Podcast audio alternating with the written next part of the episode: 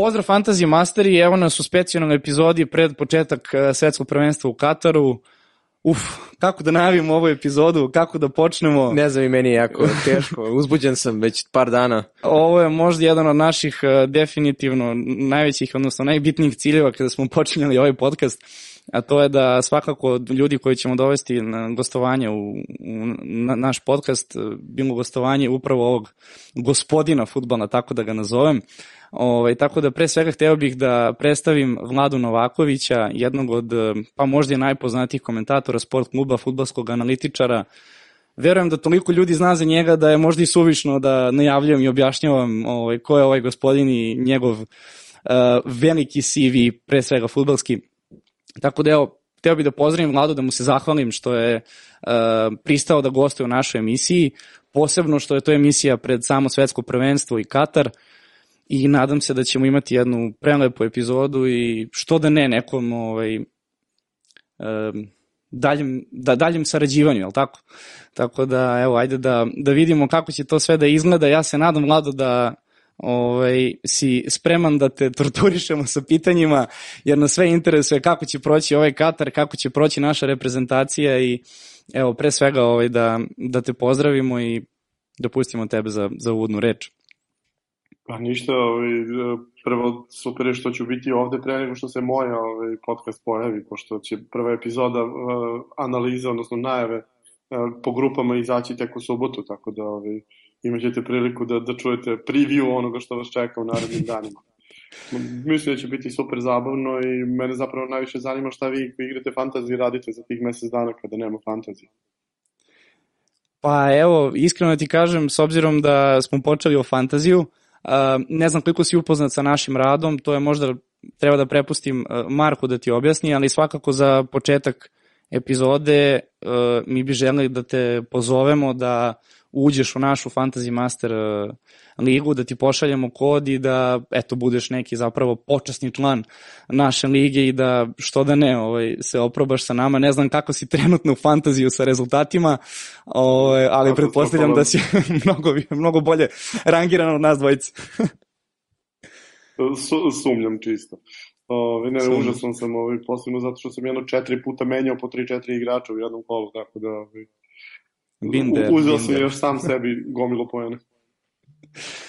Pa dobro, evo, znači Marko onda definitivno poslaćemo čoveku kod i ako hoćeš naravno da se uključiš u Fantasy Mastere ovaj, ligu. Koliko, koliko imamo članova? Skoro? 540 skoro. 540, na početku lige skoro je to bilo 600, ali dobro, imamo mi još neke ideje, nadam se da će to zaživeti baš kako treba, tako da Ali Vlado, kada smo kod već fantazija, igraćemo i fantazije koji je vezan za svetsko prvenstvo, pa ako si zainteresovan, može i tu da nas se priključiš, što to počinje za 2-3 dana. Takve stvari sam, takve stvari sam presao da igram pre 15 godina i Ligu šampiona i to sve, sve sam probao 2000-ih i onda sam shvatio kako nema šanse da se koncentrišem na nešto što ide na svaka 3 dana, to tako da sam digao ruke, ali ovo regularna liga, to je normalno. Super, super.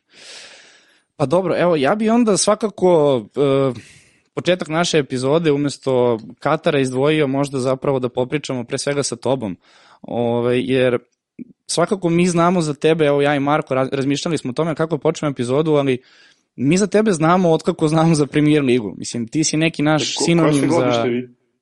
E, nismo te čuli? Koje, si go, koje ste godište vas dvojice? Mi smo 98 bojica. A pa dobro. Znači, mo mogli ste da, da pratite Premier ligu i pre nego što smo mi krenuli sa, sa trenutom? Svakako, svakako, ali nekako povezujemo Premier ligu sa tobom i sa tvojim ostalim kolegama sa sport kluba.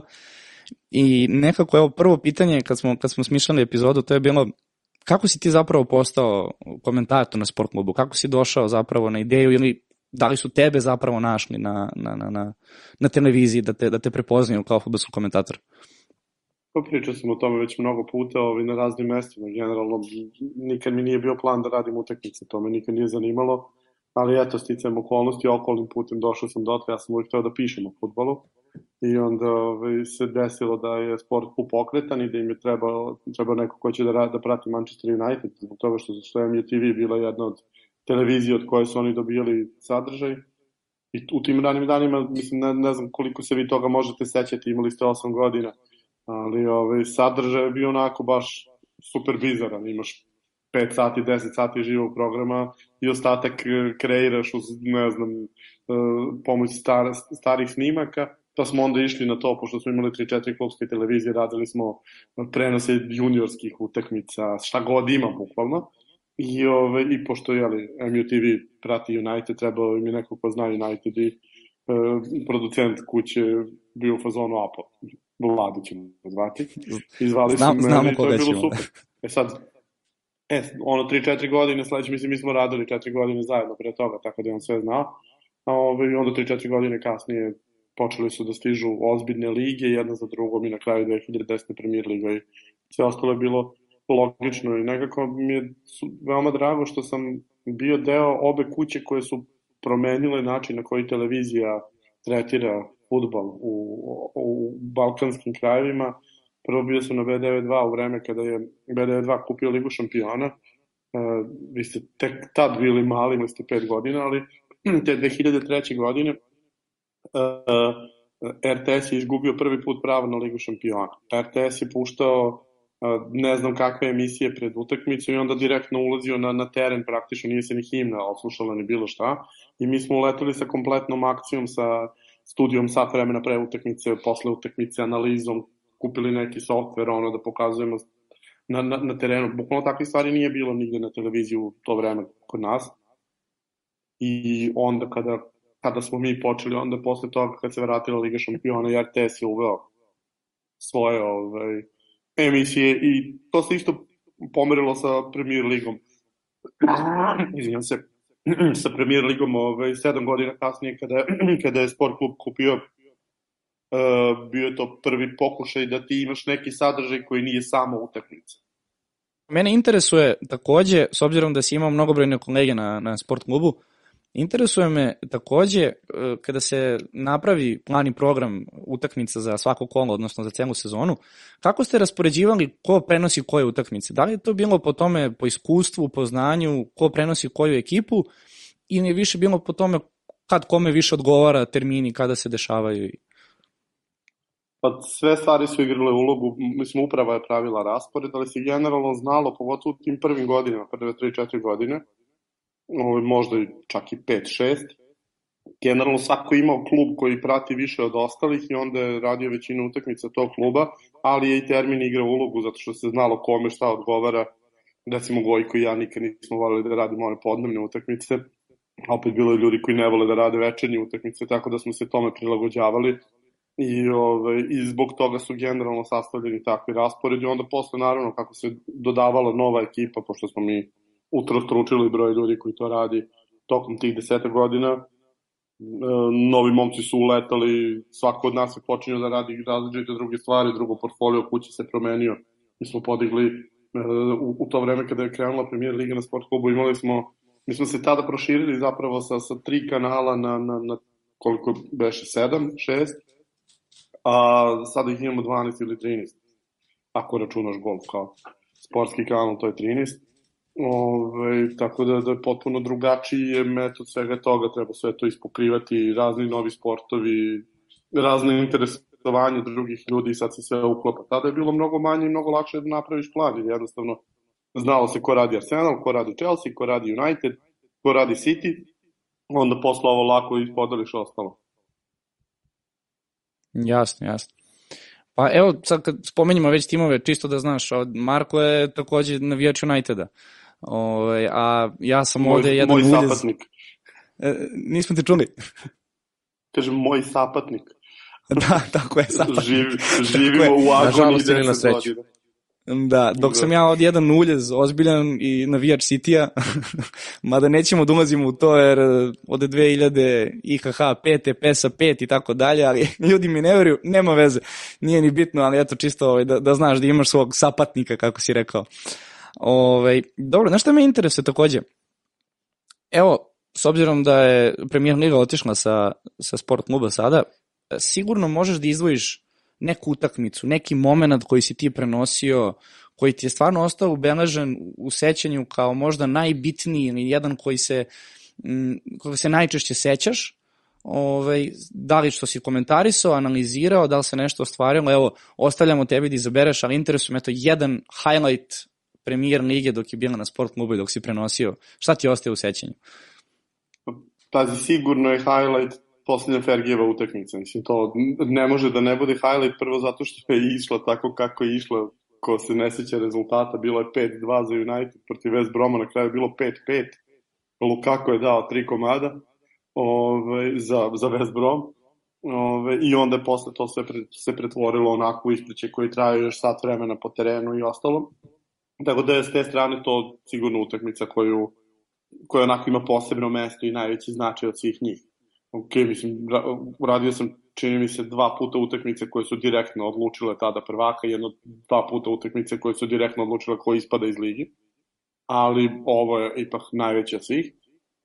Ali moja omiljena utakmica je naravno FA Cup meč između United of Manchestera, navijačkog kluba i Rochdale koja je završena 3-2 za osmoligaša protiv četvrtoligaša golom u 92. minutu na najneobičniji moguć način gde lopta prolazi kroz golmana, niko ne zna kako. I pandemonijum na tribinama gde igra osmoligaška ekipa. To je apsolutno ono zbog čega sam teo da se bavim futbolom od uvek. Ovo ostalo je onako, mislim, prirodna stvar, posao. Znaš kako je, mislim, na početku kao, znaš, svi, svi koji počinju da rade nešto, vidjet ćete to i vi kad budete radili treću sezonu podcasta, uh, osjećaj se menja, znaš, vremenom postaješ, postane ti navika, na početku je bilo ja idem na utakmicu, ja vidio sam uživo nekog igrača, pa onda 2008. dođe finale Lige šampiona i ja stojim ovako na metar od Ronalda koji završava sezonu u kojoj je dao 42 gola, završio sa zlatnom loptom i tako dalje i tako dalje. Ove, I onda ti posle osjećaj potpuno drugačiji, nemaš više, nije, nije onaj tip loženja i onda tražiš te posebne stvari koje, koje će da, da, da te rade. Ok, Premier Liga je super, naravno da najviše volim. Moram da vam kažem, meni je ova sezona Premier Lige bolja od sigurno 6-7 prethodnih. Baš je onako, super je, tak, super je takmičenje. Ponovo je počela da liči na onu englesku ligu kakva je nekada bila. Ja generalno nisam volao pravac u kojem ide Premier Liga još tamo od 2010. Ove, ali ovo sada mi se sviđa, zato što ponovo, ponovo se ponašaju kao pravi engleski klubovi, a to je niko se nikog ne plaši i niko se nikome ne sklanja. Da, pa evo sad, s obzirom da si pomenuo odlazak Sir Alexa Fergusona, ovaj, prosto, evo, mislim kao navijač City-a moram da ti priznam da ako postoji neka osoba u futbalu, ako ih biramo 3, 4, 5, i ja ga cenim kao jednog od definitivno najuglednijih e, ljudi u svetu futbola, mogu te da zamislim kako ga Marko gleda. Interesuje me, ovaj, da, da li si osetio tada u tom momentu kada, kada, kada je otišao da, da će to biti prekretnica za United ili si mislio možda da će ipak United kao ime i brand sam za sebe u tom trenutku kao definitivno najveći engleski klub ako ćeš složiti ovaj, da, da će uspeti na osnovu tog imena i svog prestiža da, da nastavi dalje samo sa nekim drugim Alexom koji se ispostavio kao neuspešan, jel te, David, David Moyes, jel tako? Pa, znaš kako, 2008. 9. 10. kada je bilo neminovno da će Fergie uskoro da se povuče, ja sam mislio da United ne može baš da ispane toliko glup. Jer uh, jedna je stvar kad učiš na, na tuđim greškama ili ne znam, nikad nisi video nešto slično, a druga je stvar kada si u klubu koji je 68. bio prvak Evrope i onda se trener povukao 69. i onda se vratio posle godinu dana zato što je sve krenulo da se raspada i onda je klub ispao 74. iz lige. Dakle, za pet godina si ti iz statusa šampiona Evrope stigao dotle da ispadaš iz, iz prvog engleskog ranga i to pobedom City-a i to golom koji je Denis Lowe postigao. Dakle, tvoj heroj kluba. Ove, ovaj, i, i razmišljaš kako je nemoguće da neko sebi dozvoli da mu se desi katastrofa koja mu se već desila neposredno pre Ferguson, oni 26 godina nisu bili prvaci. I onda shvataš kako će se to zapravo desiti onog trenutka kada David Gill saopštava da ide, što je bilo dva meseca pre Fergije, jer ja imam utisak da je on zapravo bio i važniji lik tu. Uh, mislim, Fergie je bio super važan oko stvari na terenu, ali da je Gill bio taj koji je držao situaciju u klubu pod kontrolom, da se nikad ovaj raspad van terena, van klupe ne bi desio da, da, da je neko sa, sa tim iskustvom i sa tim uticajem ostao u klubu. I tebi u, u, raz, u istom trenutku, mislim, prva stvar koju radiš u menadžmentu, ovaj, kom god poslu da, da radiš, jeste da ne smeš da dozvoliš da tebi ceo menadžment ode odjednom. United je sebi dozvolio da, da dva jedina bitna čoveka odu u istom trenutku i odjednom se stvara vakum i ti to, tog trenutka shvataš da ili ćeš momentalno uspeti da srećno ubodeš nešto, ili upadaš u probleme. E sad, zahvaljujući tome što su napravili seriju pogrešnih poteza u narednim godinama, što su gotovo bez greške pogrešno birali, kad je trebalo da izaberu A ili B, uvek je pogrešna strana izabrana, oni su sada doveli dotle da 10 godina su praktično bacili u džubre, da su sebe doveli u situaciju da iako oni su 5-6 godina bili bez, bez bitnijih trofeja, dakle bilo je super, uzmemo Liga Kup, dobro je, ali su i dalje bili ubedljivo prvi po novcu koji zarađuju po broju navijača, po svemu, po svim parametrima, ali to poslednjih pet godina i nije tako. Evo, City sada zarađuje više para, čak i Liverpool uspeo zahvaljujući jednoj dobroj sezoni da ih prestigne na trenutak, to neće potrejati, ali je uspeo. E, I prava je sreća zapravo što Chelsea je imao svoje probleme pa nije uspeo da, da ih gurne na treće mesto, a Newcastle će pregaziti sve, sad je to jasno i sasvim sigurno će samo je pitanje sledeće ili one tamo godine da, da, da, da, da bude najbogatiji klub na svetu, stvarno. I to nisu sebi smeli da dozvole, zato što United za razliku od City, za razliku od Newcastle nema garantovan izvor prihoda, neće gazda da da pare za klub. Nego klub mora sam da zaradi.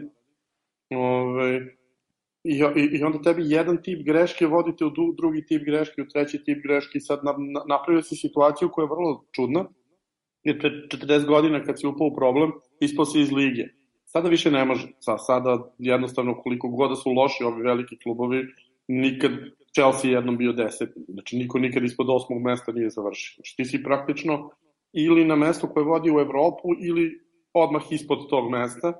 To je najgora stvar koja ti, ti se može desiti i onda ti tako onako vegetiraš i to je zapravo najgore što uđeš u ligu šampiona i onda gazda kaže super, ne moraš ništa više od toga. A navijači naravno nikoga ne zanima četvrto mesto, ne ćemo se boriti za prvo ili nećemo.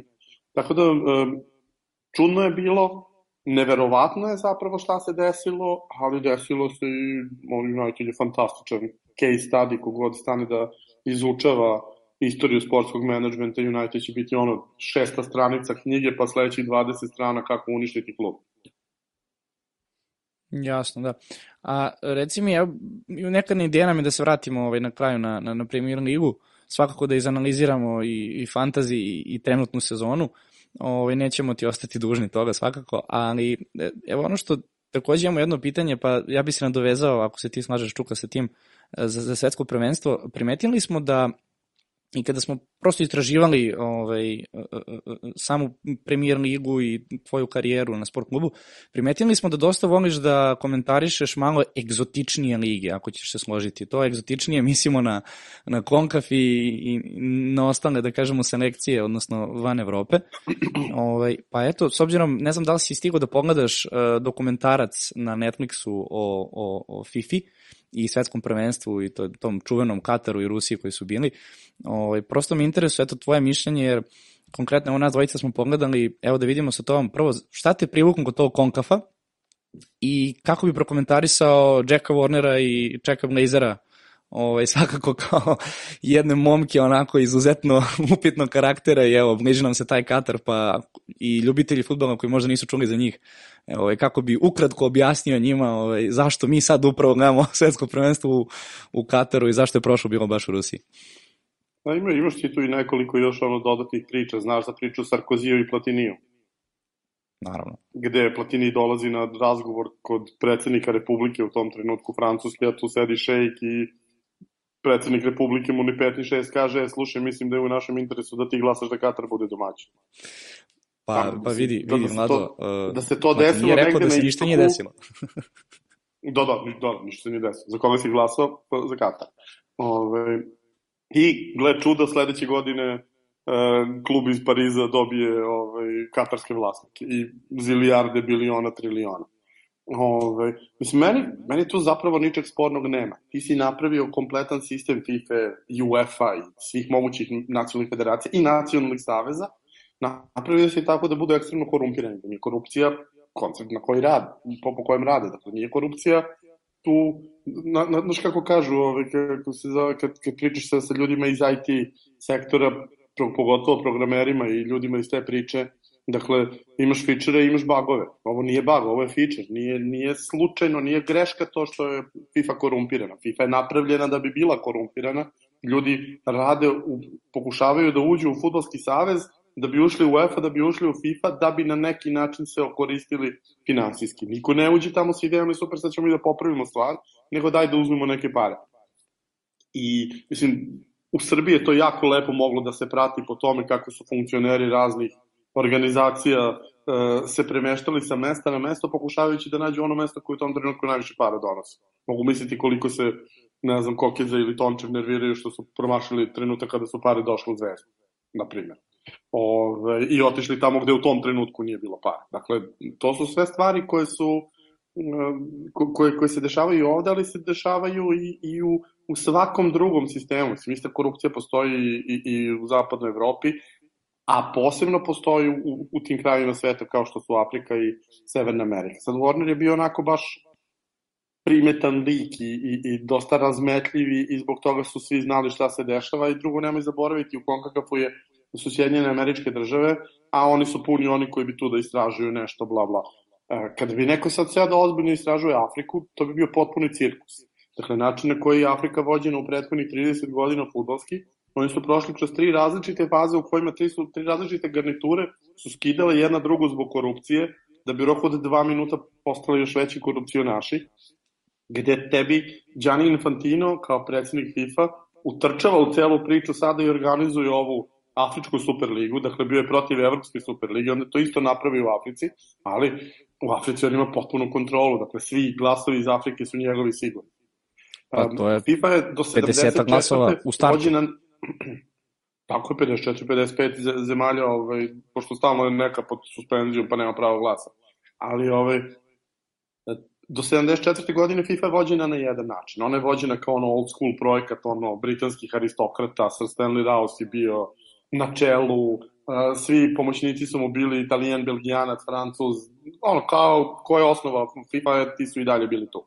I onda je Joao Abelange glasovima Afrike dobio mesto ovaj, tu i onda je počela igranka daj da proširimo svetsko prvenstvo da još zemalja ima mesto ti čim proširiš svetsko prvenstvo, normalno taj kontinent koji je dobio ta dodatna mesta će da glasa za tebe. Pa onda daj da fondove skrenemo tamo, pa oni skrenu 100 miliona fondova u Afriku, a uzmu 700 miliona. Meni je, meni je spektakl kad gledam uh, analize financijske svetskih prvenstava. Znači, svi, svi primećuju te stvari koliko je uzao Jack Warner, da li je uzao milion, dva miliona. Pazi, mi se pričamo potpuno o brojevima na potpuno drugom nivou. Svetsko prvenstvo recimo donosi uh, FIFA između 4, 5, 6 milijardi godišnje. Uh, FIFA uzima od tih 4, 5, 6 milijardi FIFA podeli, na primjer, domaćinu desetinu, podeli reprezentacijama 15%, podeli za neke troškove 5% i sve ostaje njoj. FIFA je grupa od nekoliko stotina službenika negde u Švajcarskoj i oni dobijaju od jednog svetskog prvenstva za koje ne ulažu ni dinar, jer to mora da uloži domaćin, jer, jer borio se da dobije domaćinstvo. Znači, ne, nemaš nikakav rizik, imaš proizvod, nemaš nikakav rizik, ne ulažeš ništa, a dobijaš nenormalne količine novca, to su ono 2,5-3 milijarde dolara. Znaš, tako da, ok, jeste Jack Warner stvarno specifičan i Sahajato je specifičan i Grandona, pokojni predsednik Argentinske federacije koji je 40 godina bio funkcioner, znači pokolo kao vreme kad sam ja bio mali, pa one Jagnjiće brigade, gde je isti čovek na, na, na, na 10 funkcija 50 godina, e, to isto tako funkcioniše futbol. Tako da, to, to i, i ljubav prema futbolu su dve odvojene stvari. FIFA je organizacija, svaka organizacija je loša. Nema ni jedna organizacija koja nije korumpirana, nema ni jedna organizacija koja želi da ne bude korumpirana. Niko nigde ne želi da, da ne bude korumpiran. Prethodna UEFA je bila na jedan način, ova sadašnja UEFA je na drugi način, ali ti nemaš, znaš, on, on, niko nisi čak i ne pravi da želi da, da, da, da očisti stvari. Ti ako očistiš, ako želiš da očistiš futbol, ti stvarno to možeš da uradiš ono za godinu dana ali nikome nije u interesu, svako hoće da, da uzme deo toga. E, da se sada vratimo na tvoje primarno pitanje zašto ja volim ovaj, konkakav futbol i ostale bizarne da. futbole. Um, ja se ložim na futbol od kad znam za sebe. Ja sam 80. godina sa svojim drugarom, pazi, to je mnogo pre interneta, kupovao svaki magazin koji postoji i onda ono skupljamo one magazine uh, kad puštaju tabele, pošto ti tad nisi imao ni kladionicu ni bilo šta. Ti si pratio rezultate tako što će možda novine da objave, a onda novine objave italijane sigurno ovo ostalo što bi rekli Hail Mary, kao ako bude, bude, ako ne, nikom ništa. Kao saznaćemo ko je prvak engleski, ali kao ono, finska liga, niko ne zna ko, ko postoji. Međutim, bilo je dva, tri specialistička magazina koje tako uzmu i na kraju sezone objave kompletne tabele svih liga u Evropi. I nas dvojice igramo Kaladont sa imenima klubova koji su u tom trenutku te godine prvoligaši. Ok, nisi mogo dva slova, ali kao daj neke jedno slovo, pa onda jedan drugome nabacujemo ona nezgodna slova, nešto na slovo K ima četiri kluba, pa kad istrušimo sva četiri, pet i gotovo, kraj partije. Ove, e, i, i tako, tako je počelo. Znači, uvek sam voleo, ok, naravno da volim ove, ove velike lige, ali kao, znaš, super mi je zabavno da pratim i ovo što, što, što mnogi ljudi ne vole. I onda ono, ja gledao sam gomilu afričkog futbala, gomilu azijskog futbala, gomilu severnoameričkog futbala. I onda ka, kako bilo šta stigne od toga, jedini sam stvarno to pratio u ekipi. I kako bilo šta stigne kod nas, uvek ja po pravilu radim prvu utakmicu, ponekada i prvih nekoliko utakmica, zato što ću ja najlakše da se snađem, da nađem e, e, gde se uzimaju sastavi, gde se nalazi analiza ko, ko je povređen, ko nije, gde vesti da uzmemo i onda kada ja prođem kroz sve to, ja pošaljem svima kao, e, tu vam je to, tu vam je to, tu vam je to, onda i drugi mogu da rade. Ove, pošto možda bude to jako nezgodno. Mislim, mi smo imali tu situaciju kad je krenula korona, kad tebi kre, prestaju prenosi svih normalnih liga i na svetu se igraju četiri takmičenja, Beloruska liga, Tadžikistanska liga, Nikaragvanska liga i Kup Burundija. I sad Kup Burundija ne postoji u prodaji, mi kupili sva ostala tri. Dakle, jedina tri takmičenja koje se igraju na svetu mi prenosimo. Pazi, od, od ta tri takmičenja Belorusija, ok, igraju igrači iz naših krajeva, znaš klubove iz Evrokupova. Džene, džene, Znaš, da. imaš Bate Borisov, kao. Ajde, ok, kao. Čovječe, kreće Tadžikistan, prva kola utakmice, znači, Bel Belorusiju sam radio tako što sam bio na nekom pregledu, či krenula korona, zatvorili grad, ja u 5 sati na čitanju, i kaže mi, ovaj, zvoni mi telefon dok sam na pregledu, ja se javljam posle kao što je bilo, e, imaš u 6 sati utakmicu Beloruske lige. Hm? Kao Beloruska, kod nama Beloruska liga, kao pa je, kupili smo je pre 12 minuta. Ja ulazim tamo, znači ja ne znam gde, znaš, kao, da, ti sada recimo kad radiš premier ligu možda nađeš sastave gde hoćeš dva sata unapred. Kad radiš neku da. drugu, malo je teže, uh, imaš gomilo oni koje ti nas okrive i objavljaju unapred i tako dalje, čim se objavi sat vremena. Belorusija ništa od toga nema. Znači, moraš da nađeš gde su sastave Belorus, kreće utakmica, ti treba da znaš ko su ti ljudi na terenu. I okej, okay, to preživim. Sledeće nedelje kreće Tadžikistan. Utakmica u jedan popodne ne postoji na internetu, E, e, od, od 10 klubova u Ligi 3 ima sajt, Liga nema sajt, Savez nema sajt, Ove, kao šta ćemo da radimo? I stiže mi na, na ono, bez ikakve šale, stiže mi na Whatsapp u 12.58 utakmica počinje u 1, stiže mi poruka, šta je poruka, uh, foto delegat utakmice, pošto smo mi prvi ikada kupili ligu, je slikao ovaj, kako se zove, zapisnik za jednu ekipu, za drugu i dobio sam u formi dve fotografije, ovaj, kako se zove, sastave timova, pritom zapisnik je e, na tadžikistanskom e, pisan rukom. Jo, a imena su ono Hadži Nurat Mulabulov. Znači, to ste da kažem, verovatno mu je prezime sva slova ABCD koja postoje. Ali bukvalno ono kao, ko, ko, kad, kad imaš onaj kviz, kao pa možete ono, vodi koja da. slova, šta god da kažeš ima. Nije frka nikakva. Ajde dok pričam ovo, probat ću da vam nađem, možda će se čak i videti ali kako to stvarno Ajde, čekamo, izgleda. čekamo da, da konačno izgovori što ime. da, da. Ne, mislim, ludilo. Ovaj. Tako da ono, mislim, stvarno svega i svačega je bilo, ali ono, meni je to zabavno, zato što ja sam recimo sad, mislim, ovo zvučeći čudno, ali ja sam te Tadžikistance pratio zato što je njihova U19 reprezentacija vice šampion Azije bilo tada, znači zemlja koja nikad ništa nije imala i odjednom kao vice šampion Azije ti sad, o, čekaj da vidim šta je bilo. I pogledam na svetskom prvenstvu ljudi ono se klali sa Brazilom na jedan gol, uh, dali neke dva, tri spektakularna gola, ispostavilo se da imaju nek, da, da njima cela generacija igra u istom klubu, pošto kako ko uđe u mladu reprezentaciju pošalje ga u jedan klub lokalni, i onda oni tu igraju, uigrani su ono spektakularno i rade na ono specijalima, rade na Set pieces, ono, neke rutine rade i ono, uigrani su fenomenalno, jako su i fizički i tehnički zaostali za ostalima ove, uspevaju na, na, na, na tu uigranost da igraju sasvim ok. I to ti je početna tačka, pa onda teraš dalje.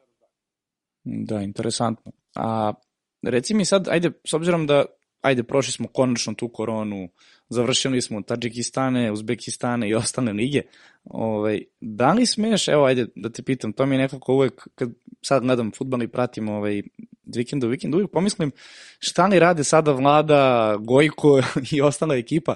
Interesuje me kako ste odreagovali na, na, na situaciju da je Premier Liga otišla sa sport kluba. Tačnije, vi ste prenosili do kraja sezone Premier Ligu, ali znali ste da, da, da će ona ovaj, da definitivno preći na, na drugi kanal i to čuveno odjavljivanje, ako se ne varam, Viška, je Viško, tako? Da. Viško, da. Ovaj, nekako prosto, ja mislim, završila se utakmica, ali ja sam teo više da čujem šta će Viško reći nego ovaj, samo odjavljivanje Premier Lige. Tako da evo, baš me interesuje kako ste evo međusobno odreagovali, ali Ajde pre naravno, toga, samo, samo nešto ovaj, kako interno se samo zove, ne da. isprtite. Evo ga sastav. A, pa vi, znaš, ako mora bi malo još da zoom, to mi slabo vidimo. Čekaj, prvo da vam poklonim kako izgleda. E, dakle, e, dobro, prvi je Ivan Ponomarenko, što je super, a treći je Karamotulijazopa Alizoš. I to piše ono, Ok. videli ste i sami, ovaj, ono, pisanim slovima, kemijskom, sa sve brojem. Da, da, pri, pritom piše ovaj, ono broj i, i deo terena na kojem igramo. Predivno. I za oba kluba tako i tako. Eto, ove, daj, daj da se vratimo na, na, na, na ovo, ovo važno. Ove, pa pazi, mislim, mi kad smo, kad je krenula ovaj, čitava priča sa arenom, kada su ovaj, došli do, do, do, do drugog nivoa financije u odnosu na sve ostale, mislim, videlo se to tačno, jer svake godine po jedna ja- jaka liga odlazila, prvo išao NBA, što je iskreno za sve nas bilo silno olakšanje, jer Ovaj, previše je bilo NBA, a premalo ljudi to gledalo i ničemu nije služilo i siguran sam da ni njima sad ništa, ničemu ne služi osim prestiža, jer jednostavno a, svi koji, koji se lože na NBA, svi, gled, svi imaju Game Pass, ja. Niko, niko neće da čeka da vidi da li je Srbija, odnosno da li je Evropa dobila ovo, ovo, danas Denver, kad skoro pa nikad ne dobije Denver, nego ono, gledaš ono što ti hoćeš. Um, pa onda krenula La Liga, što je za mene takođe bilo ekstremno olakšanje, pošto zaista od svih pet liga, petice, nju zaista najteže gledam, ono, i ne znam koliko puta mi se desilo da izguram svih 90 minuta, a kad ne moram. Ove, međutim, Premier Liga naravno nije nešto što ikako želiš da izgubiš, ali bilo je potpuno jasno da će se to dogoditi i dosta pre toga, zato što jednostavno količina fondova nije, nije bila ni slična. Mislim da je to užasno prirodna stvar. Mi smo jedna zemlja koja je tržišno onako zaostala i nije navikla na, na, na takmičenja bilo koje vrste. Opet ću se vratiti na onu scenu kada je BDV2 uh, šokirao RTS i uzao mu Ligu šampiona. Uzeo mu je na taj način što, je, što niko nikada pre, pre 92. nije poslao ponudu uopšte. Dakle, oni su uh, u, u, u situaciji pluralizma gde postoji gomila televizija 12, 13, 14 godina kupovali tako što su jedini koji ponude bilo šta i čim je bilo ko drugi ponudio nešto, ispostavilo se da je to više nego što ovi daju. Ove, ali je, kako se zove, mnogo bitno da postoji to, da imaš nekako takmičenje. Ti, ako nemaš konkurenciju, ti ne možeš da napreduješ nigde. To važi za bilo koju sferu života, za sport, za, za televiziju, za bilo šta. Ukoliko nemaš konkurenciju sa kojom ćeš morati da se nadmićeš, sve je besmisleno. Ono što je problem kod nas, to je što i u jednom i u drugom trenutku Um, sport klub je u jednom periodu imao potpunu dominaciju, sad arena ima potpunu dominaciju, ali to nije dobro. Dobro bi bilo da, da sve vreme bili uravnoteženi, e sad tad je bar arena imala nešto što je imalo smisla da se gleda, pa kao ok, to je druga stvar, sad sport klubu praktično osim Bundeslige nema ni jednog top level sadržaja i to jeste problem, zato što nema, ka, ka, šta god da se dešava, e, nema šanse da u Srbiji ili da na bilo kojoj zemlji Balkana jedna televizija skupi dovoljno kadrova koji mogu da izguraju zaista pet vrhunskih liga od jedna. Nema, nema šanse. Dakle, ili ćeš ošljariti ili će ti ljudi raditi 6-7 utakmica za vikend kao što se dešavalo i to uh, uvek ima jako loše rezultate. Generalno mislim da, da je najveći problem uh, Balkana, balkanske televizije, pre svega profesionalizam, a to je uh, mislim u ovim višim strukturama. A to je, ne možeš da očekuješ od svojih ljudi da rade vrhunski posao ako će raditi 7-8 utakmice nedeljno, a svi znamo da u svakoj civilizovanoj zemlji čovjek radi jednu do dve, jer toliko ti realno možeš da spremiš, zato što ti ako hoćeš da radiš utakmicu moraš i da znaš te ljude i da se spremaš i ko je povređen i šta se dešava. Znaš, pa, pazi, presek mojih poslednjih, moje, moje poslednje nedelje u Beogradu je, radio sam dve utakmice premier lige, uh, jednu utakmicu Bundeslige, dakle tri onako top level sadržaja, radio sam dve utakmice Moldavske lige, pazi, i jednu utakmicu Azijskog kupa gde igraju vice šampion Uzbekistana i vice šampion Jordana, to je utakmica koju sam na, na, na, na Instagramu sam, sam ovaj, kačio kako live kačim ove slušalice o klinu. Ove, znači, e, ajde da, da, da radiš nekih ono šest gluposti pa da, da kažeš ok, kao ono, znaš, kao njega tretiraju kao ono treću ligu, pa zato kao nije ni bitno šta će da radi, znaš, ali ne možeš istog čoveka da gurneš da u dva dana radi Moldavsku pa premier ligu, pa onda to ponoviš za nedelju dana. Znaš, to, to nije realno. Znači, niti ima smisla da neko radi toliko utakmica, niti ima smisla da toliko šara. I to pokazuje koliko se loše radi kod nas. I to mislim da je problem, mislim, i sport kluba, to je problem i arene, ovaj, to je problem svakoga obavezno, jer Srbija je mala zemlja, Srbija ima 7 miliona stanovnika, ne može da se ponaša kao da je Amerika, a ni u Americi tako nešto se ne dešava. Znači, ne, mislim, me, meni je, kad, kad pričamo ovde sa ljudima, i kad im kažem šta mi, i to sad pričamo o ljudima koji su i iz Turske, iz Nemačke, iz Kanade, iz odakle god, Češke, Japana, Meksikanci, kad ja kažem šta mi sve prenosimo, njihovo jedino pitanje je zašto. Znači, meni dođe čovek iz Meksika, pazi, meni Meksička liga super, i pita što vi prenosite Meksičku ligu? Kažu, kao pa super je zabavna, uh, imate ono stalno različite prvake, imate 10-12 jakih timova koji su konkurenti, da, kao, kako ste stigli da se zainteresujete za nju? Rekao, momče, kod nas, ono, zbog kladionice, znaju ljudi treću letonsku, šta se dešava, neka li ono neku prvu Meksičku ligu. Ali, ali to generalno jeste malo čudno, znaš, ti kome god da kažeš mi prenosimo utakmice gruzijske ili moldavske lige, Moldavac će ja ti kaže, pa čekaj, mi to ne prenosimo. Znaš. I to, to je to. Ja, mene su u, u nekoliko nedelja intervjuisali ljudi iz Kolumbije, iz Meksika, iz jedne arapske zemlje da me pitaju što, da, da je uvek pitanje bilo što ste odlučili da prenosite našu ligu. To, to ti govori sve. Sve, sve je super što imate od komentara, ali zašto? Na kraju dana, da, da, zašto? no, on, oni su super zadovoljni što, što se to proširilo. I, naš, I super je zato što mi multinacionalna kompanija, pokrivamo ono, šest država u regionu, plus smo povezani sa Grčkom i Bugarskom i tako dalje. Znači ti odmah imaš ulaz, to je nekoliko zemalja Evropske unije, ušao si na tržište, znaš, njima to sve znači, zato što to sve sutra donosi pare, to sve sutra donosi bolje klubove, to sve sutra njemu na televiziji donosi više pare. Ali, da se vratimo na to pitanje, zašto? da. Pa evo, ovaj, ja mislim da je možda sad trenutak, e, stvarno odgovorio si na neka pitanja koja, koja smo stvarno ovaj, uh, smatrali da su možda da. nužno da te pitamo, jer probali smo da nađemo odgovore na, na neka pitanja, ali do sad nismo našli, eto kao, ajde da vidimo, da pitamo mladu, možda hoće da priča o tome, možda ne, ali mislim da smo previše vremena oduzeli ovaj, e, tebi na, na, na, na ovakve stvari, a evo nam za tri dana najbitnije stvari u životu definitivno. Nije više ni najbitnija sporedna stvar, a to je svakako Katar i svetsko prvenstvo. Tako da odmah da udarimo tamo gde treba, to je da čujemo tvoju analizu naše reprezentacije, Pixija, da li, da li je ovo ta generacija i šta nas čeka. Evo, šta je ta generacija? tvoja analiza, šta, šta da radimo? Evo, i, šta da očekujemo od ja nas? Ja tebe pitam, šta, šta znači ta generacija? Čime bi bio zadovoljan? Šta bi rekao ovo je dobar rezultat? Pa evo, konkretno, ja bi bio sasvim zadovoljan uh, prolaskom uh, grupe, definitivno. Da. A što da ne i uh, pobeda protiv, to vratno Uruguay, pretpostavljamo, ali i da ne bude Uruguay neka druga reprezentacija, što da ne i jedna utakmica dalje. Iskreno. Ali očekujem, prolaz grupe mi je nekako krajnje, krajnje realna opcija, ako možemo to tako Jesi vidio moju anketu? Anketu koju sam pravio na, na tu temu. Da li si vidio anketu koju sam pravio na tu temu šta očekuje šta očekuju navijači Srbije od reprezentacije? Ni, ne, nismo videli. E pa, radio sam sada pre neki dan drugu verziju. Prvu verziju sam radio na dan posle Osla.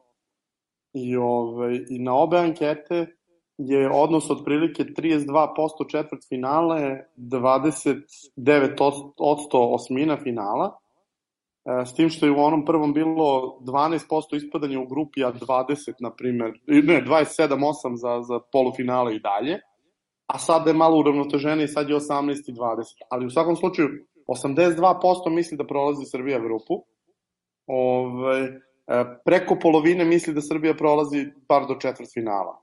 I petina misli da ide u polufinala. E, to, to je presek mentaliteta srpske populacije. Pazi, tu je sigurno bilo ljudi koji se bave malo ozbiljnije futbalom, pa su i oni glasali, pa oni sigurno nisu napisali finale. Ove, pazi, svetsko prvenstvo, evropsko prvenstvo ume da bude jako čudno, svetsko ne toliko. Ti nemaš iznenađenja kao svetske prvake, ali desi se da ti uđe u finale neko ko je malo čudan. Recimo, Hrvati su ušli na prošlo, njima se otvorilo sve što postoji. Srbiji sad ne može se otvori nikako, jer jednostavno nalazi se u toj polovini žreba da um, recimo u četvrt finalu ne može da izbegne ozbiljnu reprezentaciju, jer sigurno je zapada jedna od uh, Nemačke, Španije, Belgije i Hrvatske. Dakle, četiri stvarno ozbiljna tima.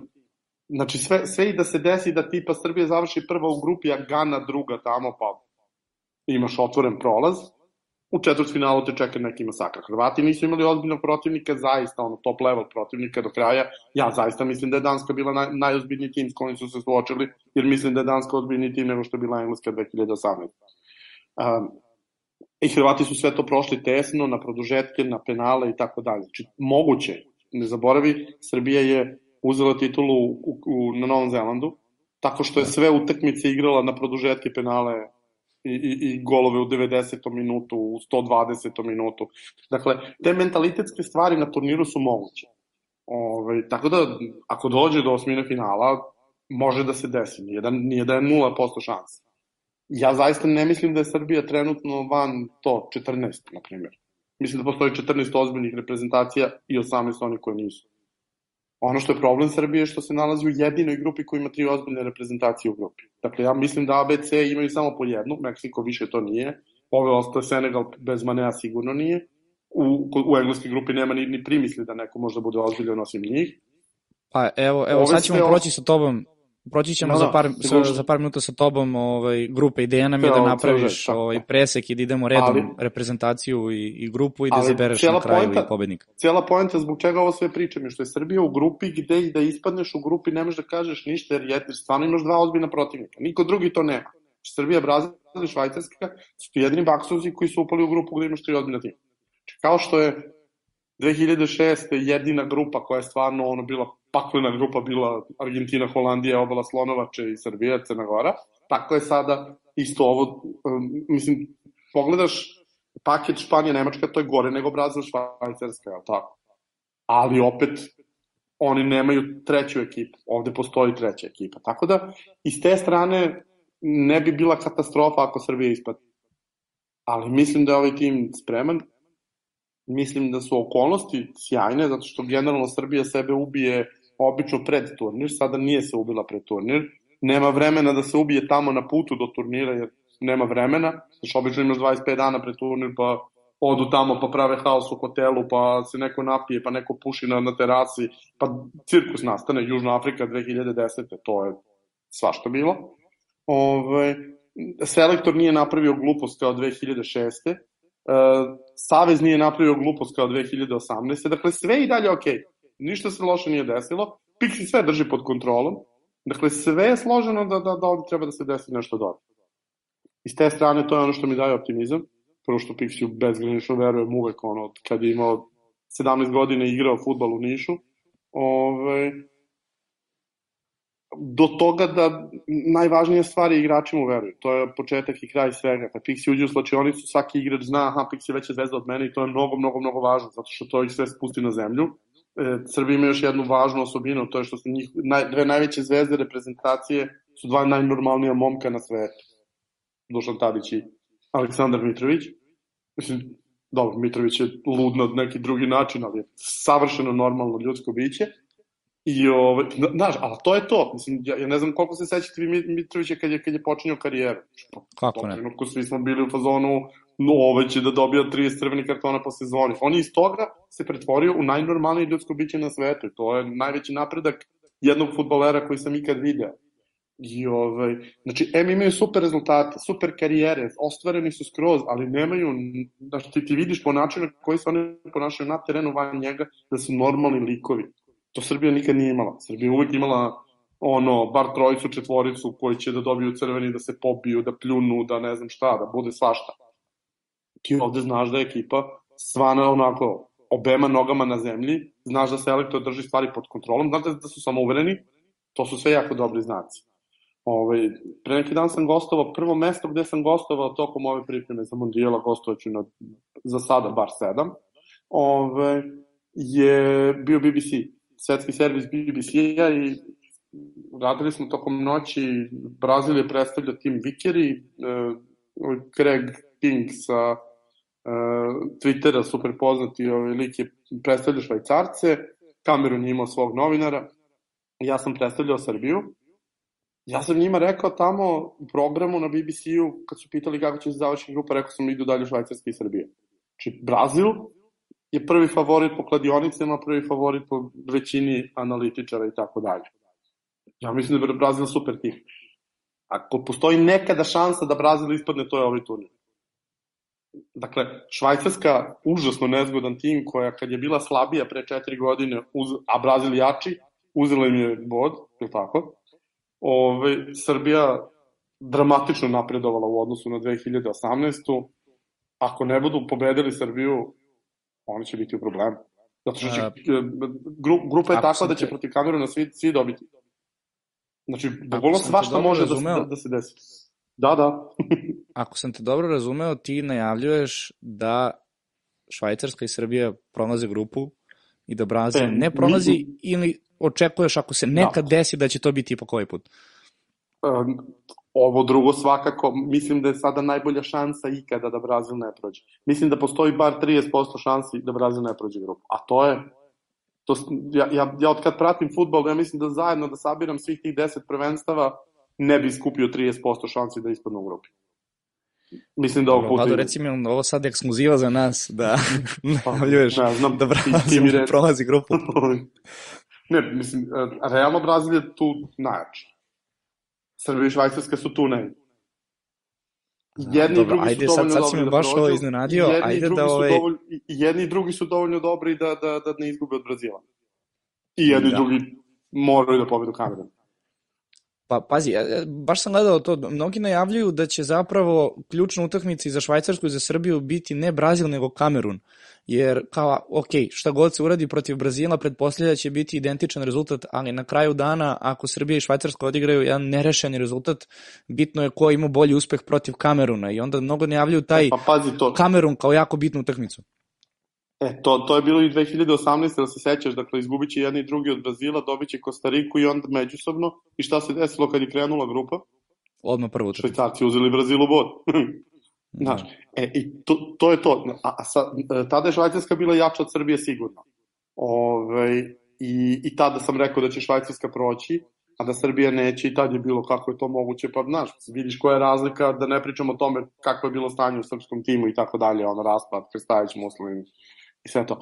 A, ti si tada imao situaciju gde Brazil igra možda najbolje poluvreme poslednjih 15-20 godina, znači ubili su švajcarsko prvo poluvreme i kako je krenulo drugo poluvreme, švajcarci su ih zaustavili, dali im gol i do kraja Brazil ne znali imaju jednu šansu za gol. Brazil je jako čudna ekipa. Ovo prvenstvo je puno jako čudnih ekipa. Ni jedna jedina ekipa na turniru nije cela. Dakle, svaka ekipa na turniru ima baš ozbiljne mane, ozbiljne falinke, ozbiljne rupe u, u sastavu tima. Neki imaju kompletne delove terena nepostojeće. Pogledaj francusku reprezentaciju na sredini terena. Pogledaj Brazil u odbrani. Pogledaj Engleze na pet pozicija. Pogledaj Nemce u, u centralnoj odbrani. Znači, gotovo svaka, pogledaj Španca u napadu.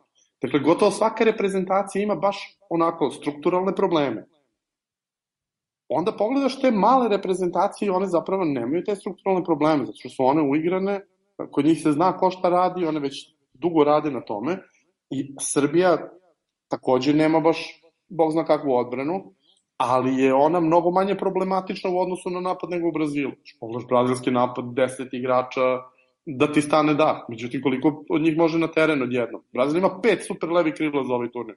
Koliko će moći da stavi na teren? Dva ako nategne. Pritom će od ta dva jedno biti Neymar na, na, na poziciji 10, što znači da će, a znamo da Neymar voli da se izloči na levo, što znači da će svakako da utrčava u prostor recimo Ove, Vinicius. Znaš, i ako je njima glavni centralni napadač, Richarlison. Znaš, ti imaš Mitrovića, on ima Richarlisona, pa on, ne bih se menjao. Ove, I onda pogledaš jednog po jednog igrača, njihova odbrana je Tiago Silva i Dani Alves, ljudi imaju zajedno 80 godina, znači ono, bez su moje godište. Prilike, da. Gore dobro. Koliko, Znači ti protiv njih ako, ako staneš nazad i ako igraš na kontra imaš 3-4 igrača koji mogu da igraju takav futbol bez problema, ja ne vidim da, da, da, da ne možeš da imaš 4-5 šanse protiv njih. I okej, okay, Alisson će skinuti 1-1 na 1, no ne mora svaki. Znači, tako da, Brazilu bukvalno onako visi cela grupa na tome što uradi sa Srbijom. Jer ja ne vidim kako će Švajcarski ispustiti protiv Kameruna bodove, ovaj, ako Srbija uzme bod njima i, i tri protiv Kameruna, ako Srbija i Brazil odigraju nerešeno, a Švajcarska uđe u tu utakmicu sa Brazilom sa tri boda, Švajcarci mogu mirno da igraju na nerešeno. Brazil mora da pobedi kako znaju ume. A igrati protiv Švajcaraca koji su Francuzima na Jurnjavu dali dva gola u poslednjih 10 minuta, gubili 3-1, izbacili ih. Znaš, mnogo je gadna reprezentacija za, za bilo šta. Pa Švajcarska igra četiri turnira u nizu, Švajcarska prolazi non stop. Znači ona to nije, oni nemaju visok plafon, ali im je prag jako, jako visok. Nenormalno visok jer, jer su uigrani, znaju ko šta radi, jasno postavljene strukture u timu, Murat Jakin odlično na, na, nasledio ovaj, Petkovića, od, imali super euro, izbacili Italiju u grupi, bez poraza došli, znaš, mislim, bukvalno sve, sve, sve što se dešava nagoveštava da, da baš onako nije za opustiti se kad, kad upadneš u takvu grupu. Tako da Srbija drži ključ toga. Ako uspe da izgura protiv Brazila neporažena, Brazil visi. Brazil mora, kako zna, i ume da dobije Švajcarsku u drugom kolu. Ako je ne dobije, svašta može se desiti. A, a ako dođe u takvu situaciju, tu je na, najveća prednost Brazila zapravo što posljednje kolo igra protiv Kameruna, pa ako shvate, ok, napravit ćemo krug, pa nam treba 6-0, daće 6. Ali, šta ako im Švajcarska, ako ih, šta ako ih Srbija pobedi, šta ako ih Švajcarska pobedi? Pa, zaista mi ne deluje kao da ne može da se desiti. Jer ne deluju pa... mi uverljivo uopšte. Ajde onda da, da pređemo na naredni deo, a počet ćemo onda od naše grupe, a to je da prođemo kroz tobom, kroz prognozu celog svetskog prvenstva. Ove, evo, ne zameri, mi smo na, na bien.com sajtu, ove, nekako mi deluje da oni imaju najbolju animaciju, tako da ove, počeli bi sa tobom naravno od naše grupe, evo prvo da nam daš prognozu, dakle prva reprezentacija koju nam kažeš je prvo mesto, druga reprezentacija je drugo mesto u grupi. Znači krećemo od naše grupe, ajde tako da, da to bude prva. Mhm. Uh -huh. Ajde kažemo tako, Srbija, Švajcarska. Srbija, Švajcarska, dobro. Srbija na prvo mesto u grupi, jel? Da, da. Ok. Srbija će pobediti, Švajcarska će im uzeti bod. Grupa A, Katar, Ekvador, Senegal, Holandija. Uh, dobro, Holandija je to sigurno prva. E, sad će ispasti haos oko toga šta se desilo zbog Manea, bio bi to zicer za Senegalce. Međutim, ovako je vrlo ne, uh, onako, uh, Katar je tanak, lupio je u plafon, pročitanje, ali igra kod kuće. Ekvador je super tim, ali su mnogo mladi. Mislim da će Katar uspeti da ih ovaj, tu malo, što bi se reklo, na foru ovaj, dobije i njih i Senegalce i da prođe dalje. Dakle, dobit će jednu utakmicu, dve nerešene i bit će drugi. Dobro, dakle, ko je na drugom mjestu onda u grupi? Katar, Katar. Katar? Opa, dobro. Mm. Idemo dalje, grupa B. Engleska, Iran, grupa, Sjedinje američke do, države i Vels. Prva sigurno, Uh, mislim da će biti vel zato što imaju Gareta koji će da reši stvar na ovaj ili onaj način. Da bi tu jako volao Iran da prođe, ali mislim da će proći vel. Ok, ok. Mi, mislim, mislim da su Amerikanci užasno pokvarili sebi strukturu u reprezentaciji sad spiskom igrača koje je pozvao i mislim da će Berhalter dobiti otkaz odmah posle turnira. Dobro, ok. Uh, grupa C definitivno jedan od favorita u ovoj grupi, ali evo ajde da idemo redom. Dakle, u grupi su Argentina, Saudijska Arabija, Meksiko i Poljska. No, Argentina će biti prva, to ne bi smelo da bude dileme. Ove, ali mislim da, da će na kraju ovaj Meksiko ipak uspeti da, da izgura Poljsku, što nemam poverenja u Poljaki na velikim takmičenjima uopšte, uvek podbace. Samo su jedno i ole pristojno takmičenje odigrali i propastili su ceo, celo sećanje na Levandovskog, jer ono ne može ništa s reprezentacijom da uredi. Tako da, Meksikanci su to, tim za četiri utakmice, od 94. na svakom turniru su prošli grupu i na svakom turniru su ispali osmini finala, tako će i sad. To, to sam upravo hteo sad da ti spomenem, evo je podatak, ovaj, pretpostavljam već da znaš, ali verovali ne, Meksikanci nikad nisu, odnosno svaki put kada su igrali na svetskom prvenstvu, uvek su prolazili grupu. Nikad se nije desilo da je nisu prošli. Dobro, mislim, ispadali su ranije kada, je bilo na, na, kada nije bilo grupa, ali uvek su prolazili grupu i to ono, mislim, čak i kada je frka, mislim, 2014. su izbacili Hrvatsku u direktnom okršaju, tako da, ovaj, mada su opet i oni ušli kao i švajcarci na prošlom turniru iz bolje pozicije, jer je Hrvatska morala da juri rezultat, jer su Meksikanci skinuli bod Brazila. Pazi, Brazil dva prvenstva, kod kuće ispustili bod protiv Meksika, u Rusiji ispustili bod protiv Švajcaraca. Dakle, Brazil više nije ono izađu na teren 9 bodova, ajmo dalje. Nego, mnogo su drugačije okolnosti. Hoćemo A... grupu D. Idemo sad grupa D, grupa D, da, verovatno tebi omiljena grupa, ali evo, ovaj, jedno čak i od pitanja ovaj, koje smo dobili za tebe, uh, konkretno uh, informacija da kada god se desilo da su Francuska i Danska u zajedno u grupi, da li na evropskom ili na svetskom prvenstvu, neko od te dve reprezentacije osvajao turnir. Ili Dansko uzme titulu, da, da. Tako je. Ove, 84. je bilo da ove, pobedila Francuska i onda, je, onda su obe prošle dalje, onda 92. je pobedila uh, Danska i to u direktnom duelu koji, koji izgubi ispada i ako bude nerešeno Francuska ide dalje, Danska i Švedska su otišle i 98. takođe u grupi i 2018. takođe u grupi, da. Ove, tako da da, veoma sam optimista oko turnira. Ove, sad nema šanse Francuzi s ovim sastavom da izguraju do kraja. Ove, pa vrlo je škakljiva utakmica, s jedne strane steće jedni i drugi da izbignu Argentinu, dakle niko se neće sklanjati, a sa druge strane Danske tuko Francuze dva puta ove godine, ove, i to u obe utakmice bila potpuno dominantan tim, ove, i Danska je sigurno za klasu bolja nego prošle godine na Euro. Ali ajde neka bude Francuska. Francuska-Danska. Ok. Biće nerešeno i Francuzi će ovaj, na gol razliku uzeti prvo mesto u grupi. Sa po sedam bodova. Dobro. E, naredna grupa, grupa E. Španija, Nemačka, Japan, Kosta Rika. Možda da se jako kratko zdržimo na ovoj grupi, pretpostavljam. Pa, e, ja, jako je teško pogoditi zapravo ko će od njih završiti. Ajde nek bude Nemačka, Španija, jer Nemačka je e, tim koji uvek uspeva lakše nego Španija da natovari nekoga sa šest komada Ove Španci imaju problem da daju golove čak i kada imaju loptu 100% vremena. Tako da ajde nek bude Nemačka Španija isto nerešeno pa na gol razliku Nemci. Dobro, grupa F sa našim komšijama, Belgija, Kanada, Maroko i Hrvatska. Belgija, Hrvatska. Tim redom, Sa mojim komšijama i vašim komšijama. ove, da, o, o, ovdje inače super mi je, pošto u kraju imam ove, recimo, među hiljadu ljudi koji su mi najbliži, imam jedno 80 Marokanaca i jedno 50 Hrvata, plus domaći stanovništvo, tako da će biti vatreno u grupi. Idemo dalje, dobro, grupa G, to smo već uh, spomenuli i A, da. za kraj, isto takođe, pored naše grupe, definitivno grupa koja nas najviše interesuje, to je grupa H, odnosno H, Mislim, Portugal, to su Portugal, Gana, Uruguay i Južna Koreja. Portugal, Uruguay. Portugal, Uruguay, dobro. Da, da. Mislim da da Uruguay onako uh, ili im je prekasno ili im je prerano. Ima gomila igrača koji više ne mogu baš to da izguraju, a Uruguay, a, a s druge strane imaju gomila igrača koji će tek biti to, tako da će na sledećem prvenstvu biti bolji nego sad. Ove, ali mislim da ne mogu da izguraju sve turnire. Mislim, prošle put su izbacili Portugalce, ali ove, mislim, Portugal jednostavno ima jako, jako dobar tim. Dobro, ajde da vidimo onda sada uh, top 16, odnosno osminu, ovaj, svakako prva utakmica će biti Holandija-Vels po tvojoj prognozi. Holandija i Engleska lagano prolaze to. Engleska kada okay. igra s Katarom. E, Argentina-Danska.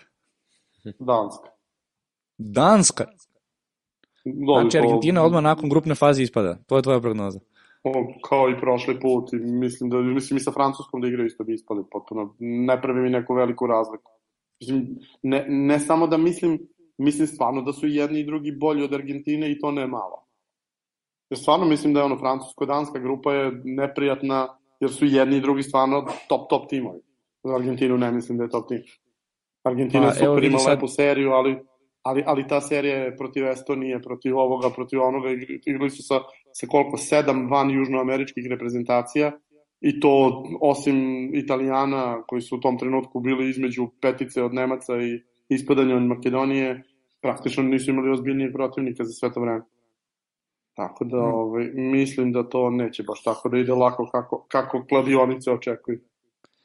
Pa evo, mi smo baš pre nego što si se ti uključio pravilni prognozu za svetsko prvenstvo i svako ima mm. neke variacije ko će biti prvi, drugi u grupi, ali na kraju se ispostavilo, osim Marka, ovaj, svi smo imali prognozu da će Argentina na kraju. Kako god sad gledaš, štihniraš ekipe, na kraju Argentina uvek bude prva, evo Marko, jedino Brazil bio prvi. Tako da evo, sad si nas baš iznenadio da će ja Danska ne vidim, Ja ne vidim Južnoamerikance nikako, u, u, znači čak i Brazil da uzme očekivano mesto, mislim, ja zaista mislim da je Brazil najbolji tim u grupi sa Srbijom i Švajcarskom, ali ovi, pro, i da prođe to ne vidim kako bi prošli do, do, do kraja. Prošli bi osminu, četvrt finale ne, jer mislim da su slabiji od, od, od, od sve ove četiri ekipe s kim god da igraju. Tako da generalno okay, ne vidim okay. nikako južnoamerikanci u polufinalu. Francuska, Meksiko. Što ti daje odgovor na pitanje, što ti daje ovaj odgovor na pitanje ko dobija utakmicu u osmini između Srbije i Urugvaja. I između ovaj, ostalo, da. Da, da. Ove, ovaj, gde smo stali? Stali smo kod Nemačke i... A ne, ne. Stali smo Francusko, Meksiko. I, i, da, da, Francusko. To. Znači, Meksiko igra četiri utakmice, to je to. Oni imaju, kod njih postoji ta kultna stvar, quinto partido. Da li će dočekati živi petu utakmicu na turniru? Znaš, to je, ono, nacionalno pitanje broj jedan. E, Nemačka, Hrvatska, sledeća? u Nemačka, ali to će biti baš dramatično. Hrvati vole da igraju protiv Nemaca, mislim da će Nemci proći, ali baš je onako, napeta utakmica. Ra, rad za bornu Dobro, onda su nam ostale dve za kraj, to su Belgija, Španija i Portugal, Švajcarska. Uh, Portugal prolazi i Belgija prolazi. Ok, ok. Uh, sad ispadne ovako, uh, Holandija, Danska i Nemačka, Srbija, ponavljanje južnoafričke utakmice. Na, nastavljamo ovaj, tamo gde, gde su nas preknuli ovaj, Česi 2021. Ovaj, Holandija, Danska, Danska dobije. Rekao sam to i na prošlom euru, to kažem i sad. Sim, to bila viđena utakmica da bude četvrt finale, pa su Holandjani, ovaj, ja mislim da bi Holandjani sa boljom ekipom protivničkom snuli u osmini finala, zato što oni su to, kao nisu igrali jedan turnir, nisu igrali drugi, došli na uh, 2020. pokidali grupu i onda puf, osmina finala ispadanje od Čeh, Česi, ono najgori tim od 16 koji su ušli. Znači, svakako podržavamo Dansku u tom slučaju, a onda Nemačka, Oba. Srbija, to si mi ostao dužan ili te nisam dobro čuo. Šta smo došli do, do Nemačke, Srbija? Da, da, Nemačka, Srbija sledeća. Da, da, Nemačka. Nemačka. To je to, znači, to je kraj, ja ne može sad završava. Ove, uf, ovo je možda najbolja utakmica, ovaj, definitivno. Ali pazi, na, na, znači Nemci tu ko Hrvati, Hrvati i Srbe u paketu, a? Pa, ove... da. Gde smo došli? Francuska i... Engleska, Francuska. No, Francuska, mislim, kakva je Engleska. To, baš, je, baš je povelika razlika. Ove, I za kraj ostalo je Belgija, Portugal? Belgija. Kao i prošle Belgija. godine, samo, uz, ovaj, samo sad Belgija mnogo dublja i može sebi da dopusti da dobije batine, ko, što u Sevilji nije smela da dozvoli. A vidiš, mi smo baš razmišljali da li ćeš biti romantičar i predviđati to čuveno finale Argentina-Portugal i da zaslužimo jedno konačan okršaj Messi i Ronalda za to golta. Mnogo lako bilo, pa mislim, Messi ne treba, Messi, ok, Messi treba da igra, nego Ronaldo ne treba da igra u reprezentaciji, mislim, njima 17 igrač po kvalitetu u najboljem slučaju sad. A, a timski, odnosno tipski ne uklapa se uopšte. Ali će igrati zbog toga što je Fernando Santos, Fernando Santos. Upravo tako i zato I zato oni neće uzeti zato neće uzeti ovaj titul. Mislim dobro ne bi uzeli ni ovako, ali Pa dobro, znači došli smo u polufinale, dve reprezentacije iz iste grupe. Danska igra protiv Nemačke, a Francuska protiv Belgije. Da. Uh, Nemačka, Belgija. Finale. To je finale, jel? I Dobro. Nemci dobijaju.